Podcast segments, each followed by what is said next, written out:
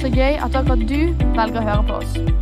Finn ut mer om hva som skjer, og hvor vi møtes på salt.co.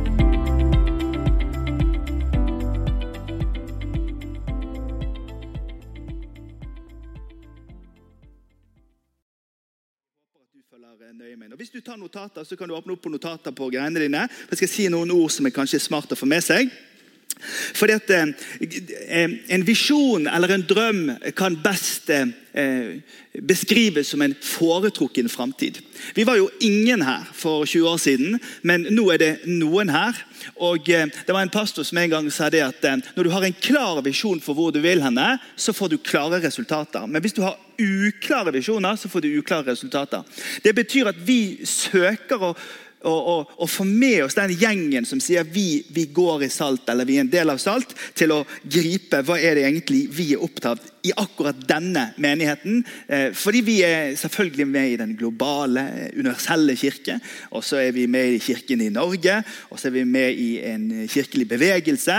Og så er det da dette huset og våre valg og prioriteringer, og det skal jeg snakke litt om i dag. Et av de spørsmålene som vi som er kirkeledere må forholde oss til, det er dette spørsmålet her. Åssen folk blir vi når vi er med i denne menigheten?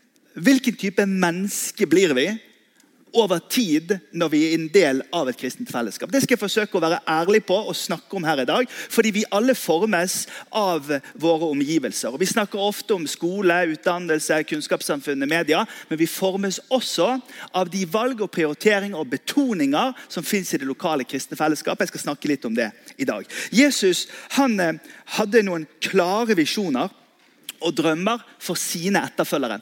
Han tenkte at de som følger meg, de ønsker jeg å forme til min liknelse, sa han. Så jevnt over for alle som er kristne i verden, så er det slik at Jesus han er vårt forbilde. Han er vår storebror. Han er Gud som er blitt menneske. Han er perfekt i alle ting. Derfor så sier vi i vår kirke at vi ønsker å oppmuntre og lede mennesker til etterfølgelse av Jesus. Det betyr at i spenningen av at han er perfekt og vi ikke er det, så skal vi likevel få lov til å strekke oss til han. Jesus er vårt forbilde. Jeg håper og tror at når vi er en del av dette kristne fellesskapet, så er det Jesus Jesus som er ideal og forbilde. Så hadde Jesus en veldig god skribent som kom etter han, som het Paulus. Han hadde også visjoner eh, for folk. og Jeg skal trekke frem to begrep. Noe som blir litt viktig i, i dag, og som blir viktig også utover den tiden vi, vi, eh, vi lever, eh, fortsetter videre med denne menigheten. Paulus hadde eh, i brevene som han skriver helt fra romerbrevet og ut gjennom brevene, som han skriver, så er han opptatt av eh, åndelighet. er han opptatt av. Det er jo et begrep som gjerne ikke er så mye oppe i samtiden, men jeg har lyst til at vi skal bli venn med det begrepet. For Paulus var det viktig at menneskene som sa de fulgte Jesus, eh, var åndelig modne mennesker. Gjennomgående i brevene så har han en kritikk mot den perioden hvor de sier de er sånne som følger Jesus, men de lever ikke som åndelig levende mennesker. Så dette begrepet her, Om det er fremmed for deg, så må du bli venn med det. Det er i vår teologiske horisont at er du en del av denne kirken, her, så ønsker vi at du skal bli et åndelig menneske. Vi ønsker å at det skal vokse på innsiden av våre liv en, en eh, visjon, en drøm om, og som Paulus sier, om å vandre i ånden, om å leve i ånden. Og selv om dette kanskje er litt sånn arkaiske og, og, og litt fjerne ord for oss, ja, så må vi slutte fred med det faktum. Han sier det at vi skal vandre i ånden. Hva betyr det? Når et menneske blir kristen, så er det ikke slik at man tar imot Jesus den dagen og tar imot Den hellige ånd senere. Gud er en treenig Gud. og For ethvert menneske som tror, så flytter både Faderen og Sønnen og, og, Ånden inn i ens hjerte. Man er en kristen fordi guddommen tar bolig i oss. Det er bibelspråket for å bli et pånyfødt menneske. Så Paulus, selv om han kritiserer disse som vi skal lese om her i dag i Korint, selv om han kritiserer sånne som oss og utfordrer sånne som oss, så sier han aldri at noen ikke har ånden. Men han sier at eh, lyset på lampen er blitt dimmet ned så mye at det ikke syns så godt at de er sånne som følger Jesus. Derfor så sier Paulus i Korinterbrevet, som vi straks skal lese en tekst ifra, han ber oss alle sammen om å skru opp lyset og være slike som lever i ånden. Et annet begrep som jeg har lyst til å eh, trekke din oppmerksomhet til i dag, det er begrepet verdensbilde eller verdenssyn. Ifølge Store norske leksikon så er altså verdensbildet en populær betegnelse for menneskenes samlede forestilling om verdens altet og klodens og menneskehetens rolle innenfor og i forhold til det. Det var litt komplisert, så vi tar en enkel, mer eh, eh, konsis beskrivelse.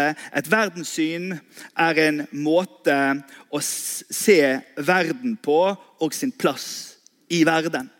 Altså Et verdensbilde er en måte å se verden på.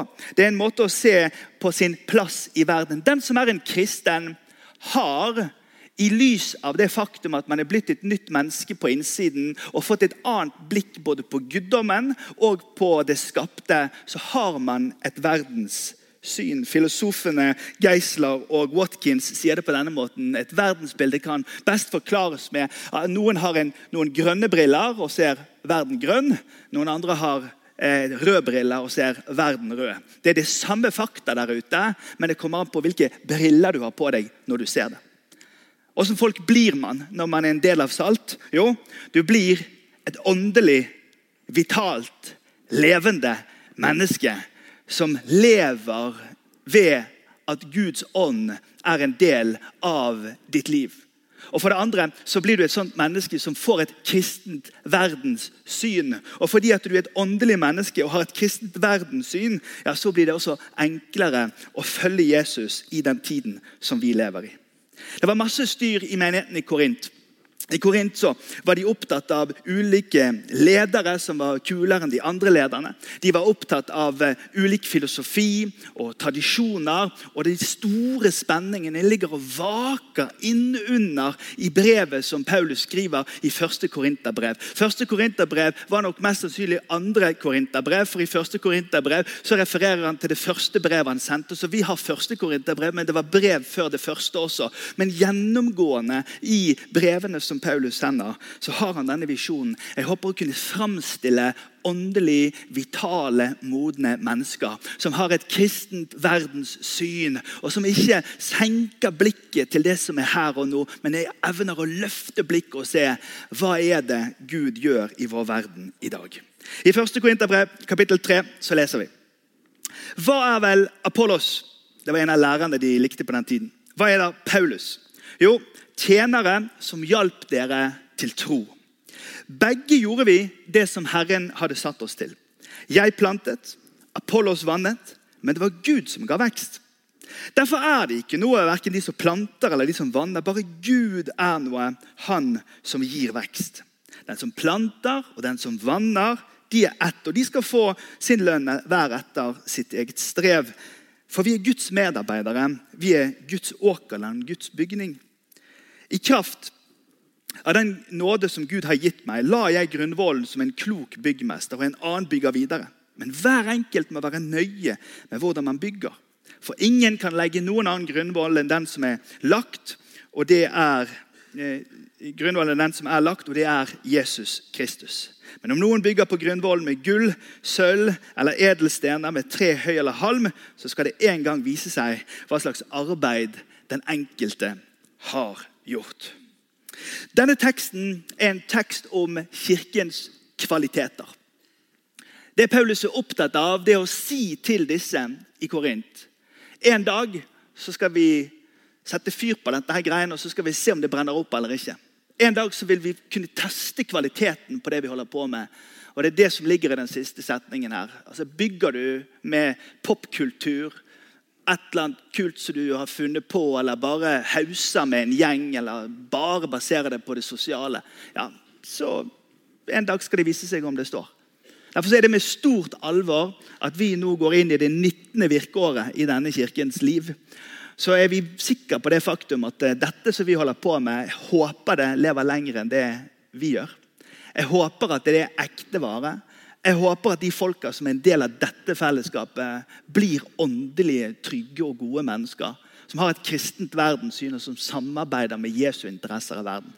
Dette handler på ingen måte om logoen til Salt eller noen av oss som er ledere her. Men det handler om at Gud har en kirke i verden. Og I den store kirken der så finnes det ett hus, som er dette huset her. Og vi er fullstendig underordnet Han som er Herre, og de kvalitetskrav som Han stiller til oss. Derfor så vil jeg i løpet av de neste minuttene bygge din tro, men samtidig også utfordre deg til å delta. Fordi at dette er et lagarbeid som vi gjør i fellesskap. Det første Paulus sier i denne teksten, det er at i kirken så er vi alle tjenere. De var opptatt av hvem som var flinkest og viktigst. og er det en ting jeg er blitt så lei også i den kristne kulturen i vår samtid, som preges av kjendiskultur, som preges av at noen hører på den podkasten, og noen hører på den lederen, og andre hører på den lederen. Jeg spurte en bibelskoleklasse her eh, for noen år tilbake hva er den største utfordringen deres med å dele tro eh, og, og invitere folk til kirken eh, blant deres venner. Og så sa de podkast, sa de. Fordi Folk vil heller sitte hjemme og lytte på den de ønsker å høre på, istedenfor å være del av et kristent fellesskap hvor de gjerne noen ganger opplever å bli utfordret på en annen måte enn det de liker. Vi som er kristne ledere, er underordnet Han som er kirkens herre. Og Vi ønsker på ingen måte å ha en lederkultur som hauser opp noen og setter enkelte på en pidestall. Det er verken bra for den troende eller for den som er lederen. Og Veldig mange av oss er skuffet over kristne ledere som feiler. Men vi må passe på at vi ikke må sette vår tillit alene til kristne ledere. Kristne ledere er også mennesker. Derfor søker vi å ikke knytte folk til lederen, men vi ønsker å knyttes til Jesus i fellesskap. Gjør vi det på en klok måte, ja, da blir vi sånne folk som er kristne, uavhengig av det som måtte hende omkring oss. For folkens, det er sant at Bibelen ikke sier et eneste sted at du og jeg skal bygge Hans rike. Vi synger det i barnesangen, men det er ikke riktig at vi skal bygge Guds rike. Det som er riktig, det er at vi skal søke Guds rike. Og så skal Han bygge sin kirke i verden. Og Det gjør vi som er ledere, vi som er ansatte, vi som er frivillige, vi som er tvilende, vi som er menn og vi som er kvinner. Vi gjør det som et stort lag, fordi at eh, visjonen for Salt er ikke bare at vi skal være en kirke, men at vi skal være en deltakere i den bevegelsen som Jesus startet i verden. Vi er Guds medarbeidere. Dere er Guds åkerland, Guds bygning, sier han her. Hvorfor sier han det? Jo, han sier det fordi at alle skal få lov til å være med. Ja da, noen av oss vi står i kristent arbeid og tenker på dette hele tida. Men de aller fleste er sykepleiere eller lærer eller rørlegger eller går på Nav eller er pensjonist. Vet du, alle skal få lov til å være med. Og det er sånn vi tenker om kirke. Et annet begrep som jeg vil at du skal kanskje notere deg, og som går litt merker jeg igjen eh, i min måte å snakke på nå, litt fordi jeg har litt med Norges kristne råd å gjøre og andre kirkelige sammenhenger av disse rollene mine, det er at eh, i Salt så er vi kirke nedenifra. Kirke nedenifra betyr at vi tror at Gud han handler i verden og berører mennesker som, eh, som er på gulvet. Mennesker som har eh, behov for eh, trøst, helbredelse, omsorg og kjærlighet og inkludering. Derfor så sier vi kirken nedenifra. det er at når, når, Jesus tar tak i en dame på rad nummer ni eller i et smau eller noen som sitter hjemme, så tar han tak i et menneske og så reiser han det mennesket opp til å være et åndelig menneske med et kristent verdenssyn og som følger Jesus i sitt liv. På den måten så samler Jesus mennesker nedenifra. Vi tror ikke på kirken ifra en erkebiskop som skal være sjef over en gjeng. Vi tror på en gjeng som blir til fordi at Jesus er den som kaller på hjertene. Jeg elsker denne filmen her fra en TED-talk om The Crazy Dancing Guy. og dere skal få lov til å se Den Den har jeg brukt litt for å prøve å forklare hvordan vi tenker om kirke som bevegelse. Så ta en titt på den.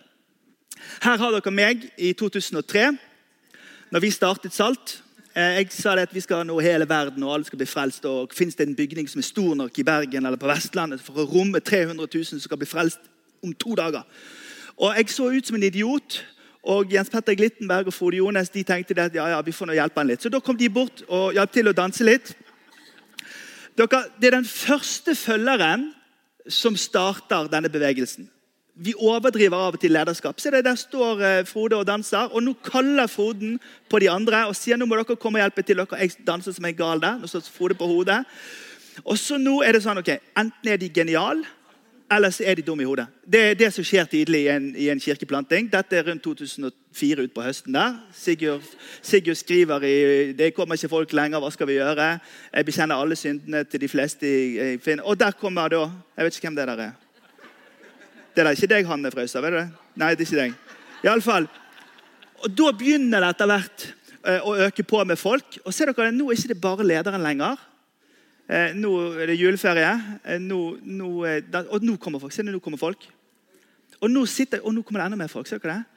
Og nå blir det rart å ikke være med etter en stund her. For nå er det vekkelse i Gaza. Ser dere det? Så her er det sånn, Nå sitter folk og tenker, spesielt vestlendinger Jeg, jeg lar meg ikke rive med av dette. Jeg er sjef sjøl. Og så tenker de ah, ja, the party is going on. Jeg har lyst til å være med. Nå, der kom Marie Jones, konen til Frode. Det tok en liten stund før hun kom. Så kommer Kristin der, ja. Og så kommer de hele gjengen. Og point made, så er bevegelsen eh, i gang. Vi kan stoppe der. Crazy dancing guy. Ideen med en bevegelse er dette. At Gud kaller fortsatt. Og I hver ny generasjon så er det som om han, han bare reiser opp noen. Men det handler ikke så mye om lederen som det handler om det faktum at noen følger. For en bevegelse begynner ikke bare med lederen. Den begynner med at stadig flere blir med og danser til den samme rytmen. Og Vi tror at Jesus er alle sin. Vi tror at Kirken er alle sin. Vi tror ikke den tilhører noen i en eller annen type religiøs elite. Vi tror det er en folkebevegelse av vanlige mennesker. Og Vi er overbevist og vi tror at om vi legger vekt på bevegelsesdelen og kirken nedenifra-filosofien, ja, så vil vi få et godt svar om fem år, om ti år, om 50 år på åssen type mennesker blir folk når de er en del av dette fellesskapet. Jo, de blir åndelig våkne mennesker med et kristent verdenssyn som eh, følger Jesus i sin samtid. I 2003, før vi begynte her, eh, så eh, skrev vi ned tre enkle formuleringer om hvordan vi ser for oss vår foretrukne framtid. Da var det ikke noe, men vi så for oss hvordan dette kan bli. Det første vi sa, det var vår livsvisjon er å lede mennesker til et nytt og bedre liv i etterfølgelse av Jesus. Den enkle setningen der handler om selve spissen på det som vi ønsker å oppnå. Vi lykkes ikke hvis vi har kulturkvelder her, eller store kor, eller misjon i, i, i Afrika, eller, eller, eier svære bygninger, hvis ikke hverdagen vår, sykepleieren og ingeniøren og SFO-medarbeiderens hverdag handler om mitt liv er nytt. Mitt liv er faktisk bedre fordi at jeg får lov til å følge Jesus. Og De første syv årene fram til 2011 så var det, jeg tror vi, vi, det var, vi slo jo leir her i den setningen der. Og vi, vi trykte på, for vi sa at hvis ikke vi vinner hverdagen, hvis ikke arbeidets teologi blir i hvert fall litt mer en åpenbaring for oss, så vil vi streve. Så sa vi i setningen etterpå at vår menighetsvisjon er å bygge en sterk og stadig voksende lokalmenighet som kontinuerlig ekspanderer til nye nettverk og områder gjennom multiplikasjon av vårt kall, vår kultur og vårt menighetsfellesskap. Og De første syv årene så skjedde det fint lite. Og Vi banket på en sånn der, et sånt glasstak. Vi kom ikke gjennom 200-250, og vi var frustrert og vi var lei oss. og Jeg hadde lyst til å flytte til Tanzania og fikk jobbtilbud rundt omkring. og så, Men jeg sa nei, vi blir her. Herren har sagt, bli i Bergen. Dette skal vi få til. Så vi sendte en gruppe på 35 eh, ungdommer under ledelse av Tonje Fyn ned til kvarteret her høsten 11. Og så startet vi en ny menighet der. Det som står her, Vi multipliserte den ene menigheten vi hadde, til å bli en til. Og der begynte den store reisen. Fram til 2018 plantet vi på syv steder i Norge syv menigheter i Norge. og Det er det ikke så veldig mange nordiske eller europeiske kirker som har gjort. Men vi kjente det at nettopp dette at vi skal plante menigheter, er viktig for oss. Vi har eh, et kodespråk fordi vi er i Norge. så har jeg lært av de som har vært før meg og ledet store menigheter, at det er ikke lurt å si hvor mange vi har tenkt å bli. Så Derfor så har vi et kodespråk. Det er helt hemmelig til dere. Ikke si det til Vårt Land og Dagen. Kodespråket det, det er at vi har hjerte for den ene.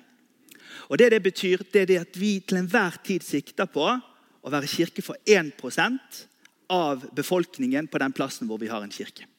Det betyr at når de er 14 000 på Voss, så er vi superhappy når de er 140 i den menigheten. Eh, når de er 180 000 i Trondheim, så er vi superhappy når de er 1800. Eh, og når, eh, og når de er x antall 24 000 i, i Nordhordland der ute, så er vi superhappy hvis menigheten blir 240. Vi sier ikke til Kristian i Nordhordland at han skal bygge en menighet på 2000 mennesker. Det øker vi, men vi sier 'ha hjerte for den ene'. Så kjøpte vi dette bygget her dere, i 2018-19. kom pandemien, og så gikk bremsen litt for mye på i forhold til dette med kirkeplanting. Så vi har omgjort litt i staben, så at eh, vi får enda mer kraft på det. Men vi kjente det at når vi flyttet inn i dette bygget, så kom den tredje delen av visjonen vår eh, virkelig til sin rett. Som er vår større visjon. Det er å være et senter for nyskapning og utrustning og trening. Så at mennesker finner og fyller den plass som Gud har tenkt for dem. Og slik så ekspanderer vi Guds rike lokalt og nasjonalt og globalt. Altså, jeg leste den siste delen av setningen der før vi hadde startet denne kirken. for de som skulle sende meg til å gjøre Det Det vokste i munnen på meg. Derfor så har ikke vi ropt det fra hustakene, men vi har sett at det har i utviklingen brakt oss til dette stedet. Vi kjenner at det er dette vi skal gjøre nå videre. Når Daniel var eh, i India her i forrige uke, så er det altså Vi klapper jo bare sånn passelig. Men altså, vi er 1010 medlemmer i denne menigheten i Norge. Og det er 15 000 på det misjonsfeltet som vi startet for ti år siden. Vi er 28 ansatte her. I, ja. Vi, vi er 28 ansatte i Norge, og der ute er det 160 fulltid. Altså, Herren har talt, tror vi, til oss, og vi får lov til å være en gjeng som får lov til å være med og gjøre dette i fellesskap. Og jeg har lyst til å bare si til oss alle sammen dette skal du slippe å ha på kjøleskapsdøren din hjemme. Men du kan i hvert fall huske på det at de som jobber her, og de som leder her, gjør alt de kan for å styre etter det vi opplever Gud har gitt oss som en drøm og som et mandat. Og dette her er styringen som vi holder på å dra oss gjennom. Jeg plantet, Apollos vannet, men det var Gud som ga veksten. Vi lever i en konsensusorientert eh, del av verden.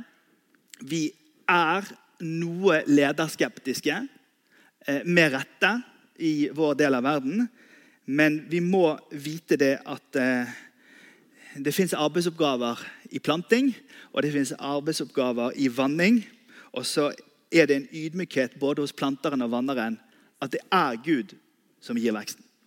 Men som Rick Warren sier, som nå i disse dager blir pensjonist, leder en kjempesvær menighet i California Menigheter vokser ved at Guds kraft blir åpenbart i menneskers dyktighet og innsats. Begge elementer, Guds kraft og menneskers dyktige innsats, må være med. Vi kan ikke gjøre noe uten Gud, men han har bestemt seg for å ikke gjøre noe uten oss. Mens vi venter på at Gud skal arbeide for oss, venter Gud på arbeidet gjennom oss. I teksten vi leser i dag, så står det at vi er både åkerland og bygning. Jesus han snakket ofte om jordbruksmetaforer, det organiske hvor frøet vokser. Paulus han var mer urban, så han snakket om ting som skulle bygges. Men begge deler er like sant. Så vi vokser organisk ved at Den hellige ånd og Hans ord gir liv på innsiden av oss. Og så er vi så glad for at noen blant oss hjelper oss å strukturere oss og ordne oss. og Det er lys på skjermen og informasjon om Saltkonferansen og eh, mulig å gjøre jobben. Men det vi vet, og som vi har kriget med i disse her snart 20 årene, det er at over tid så ender 20 av menigheten opp med å gjøre alt arbeidet i menigheten. Og Bibelen lærer oss at det er mer velsignet å gi enn å få. Og For oss så handler det ikke om å få jobben gjort, men det handler om at vi ønsker et folk som har et engasjert trosliv. Åssen folk blir vi når vi er en del av denne menigheten? Jeg håper du blir en engasjert kristen. Jeg håper du blir en engasjert troende som lever i ånden, og som har et kristent verdenssyn og som følger Jesus. Og I det så inngår dette å være en deltaker, en aktiv bidragsyter i det som Kirken gjør. Rick Warren har tøffet seg veldig, og jeg kunne nesten ha sagt det sjøl. Han sa du kan ta 500 av våre folk, og vi kommer til å være bedre enn alle andre menigheter i Nord-Amerika fordi vi fokuserer på å bygge mennesker. Jeg har lyst til å si det samme, men jeg tør ikke, for da havner det i avisen. Men jeg kan si det til dere. Jeg håper det kan være sant om oss. Men vær en sånn som lener deg inn og er med på det som skjer. For det er mer velsignet å gi enn å få. Jeg var med en misjonær på et par 70 år her en dag. Han kommer fra en mindre menighet på Østlandet. og Han sa til meg jeg sier til de unge i kirken kom til gudstjenesten når vi er samlet. For kvaliteten blir bedre på gudstjenesten når vi er der sammen. Jeg sier til de unge i kirken vår jeg sier, kom på gudstjenesten ikke først og fremst med tanke på deg selv, men med tanke på de andre. Når det regner, eller det er sol, eller du har vondt i viljen eller forstuet foten, tenk hva opplever de andre av tap hvis ikke jeg kommer? Og kan jeg være så snill å få høre, Ikke hør meg som et offer når jeg sier dette nå, men denne, denne eh, vårparten her så sendte vi fra oss ganske masse gullgode folk. Som har vært med oss og hjulpet oss her i ti år. Nå var det tid for de å flytte tilbake inn til sånne hedenske plasser som Oslo. Og den type steder som vi ikke nevner i kirken egentlig. Men poenget er dette, dere. Akkurat nå så kjente vi oi, nå får vi en lavkonjunktur av medlemsmasse nå når vi skal gjøre comebacket denne høsten. Så hør meg og tenk på det ut til advent nå. Vi har bedre kvalitet på gudstjenesten hvis vi er her alle sammen. Tenk ikke bare på deg sjøl når du vurderer om du skal gå. Tenk på de andre som går glipp av ditt blide åsyn. Og la oss passe på at vi er denne kirken sammen. Vi er en bygning, vi er et åkerland, vi har et kristent verdenssyn, og vi har 960 sitteplasser, og vi kan kjøre flere gudstjenester om det trengs. Derfor er det ikke noe, verken de som planter eller de som vanner. Det er bare Gud som er noe. Han som gir vekst. Den som planter, de som vanner, er ett. Alle skal få sin lønn etter sitt eget strev. Kirken er Guds arbeid i verden. Forrige uke var jeg og Frode Jones i Kongo for å feire 100-årsjubileum for eh, norsk misjon i Kongo. I 1922 så var det en mann som het Gunerius Tollefsen, som hadde sett seg ut i et område eh, sør for Kiwisjøen i eh, Øst-Kongo. Frode er født eh, der. Frode Jones, jeg kan vinke. Frode Jones. Han, han er født i Kasiba. Der mistet han sin far, som er lege. Moren eh, tok med seg søsken ut i flere perioder og gjorde en kjempeinnsats der. Det er det største feltet for pinsebevegelsen i Norge. Talen i 1922 var 'Hvem er Gud?' Eh, og min jubileumstale den var 'Hvordan kommer Guds rike?' Og De har laget en sånn byste av Gunerius Tollefsen på utsiden. og Det er jo typisk eh, sånne mannemenn at vi glemmer hans kone og Hanna Veum, som også ga alt i den første tiden. Men de hadde ikke sett noen ting. de før de begynte å arbeide der. Og Når vi står der, så feirer vi en kirke som har vokst til 1 020 000 medlemmer. Som har 250 000 kids i skoler akkurat nå. Og som har flere sykehus og helsestasjoner, og som vokser som bare julingen.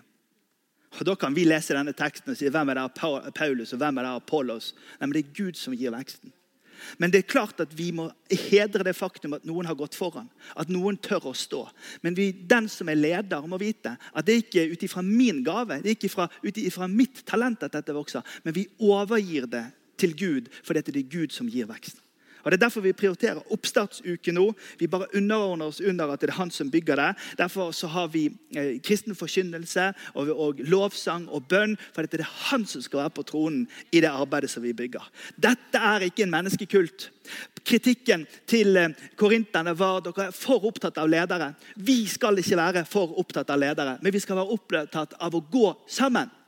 Også med våre ledere, for at vi ønsker å se at Hans rike kommer. Ingen kan legge noen annen grunnvoll jeg må gi meg der, enn den som er lagt, og det er Jesus Kristus.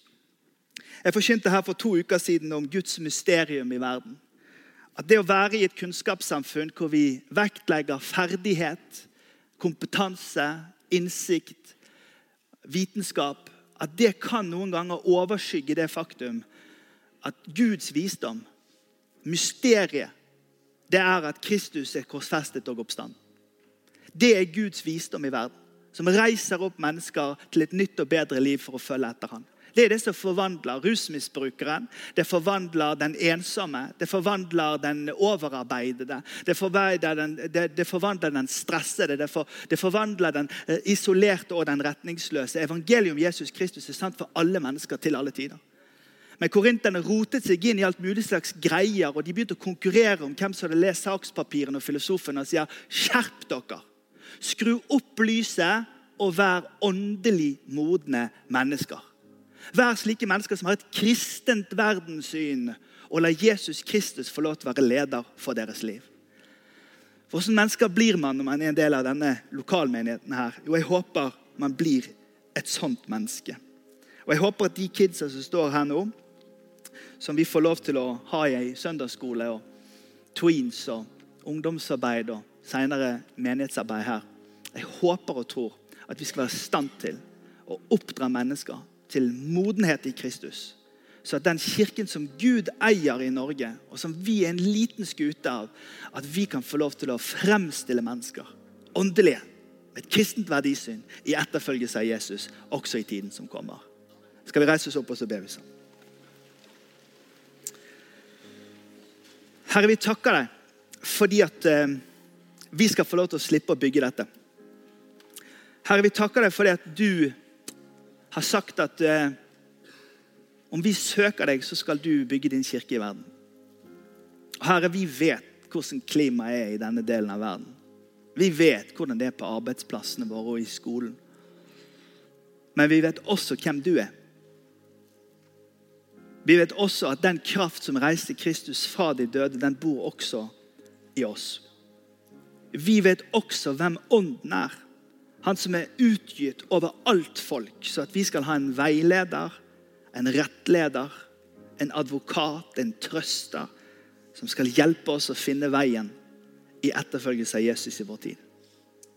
Herre, takk for at du er trofast imot din kirke. I verden, i Norge og mot oss i denne lokale menigheten.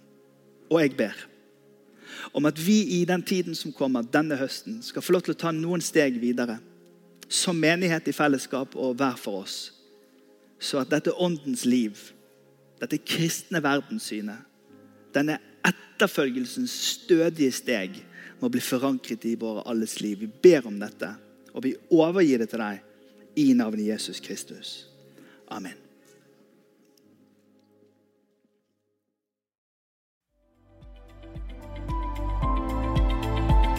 Takk for at du hørte på. Håper vi snakkes enten her eller i kirken neste søndag. Ha en nydelig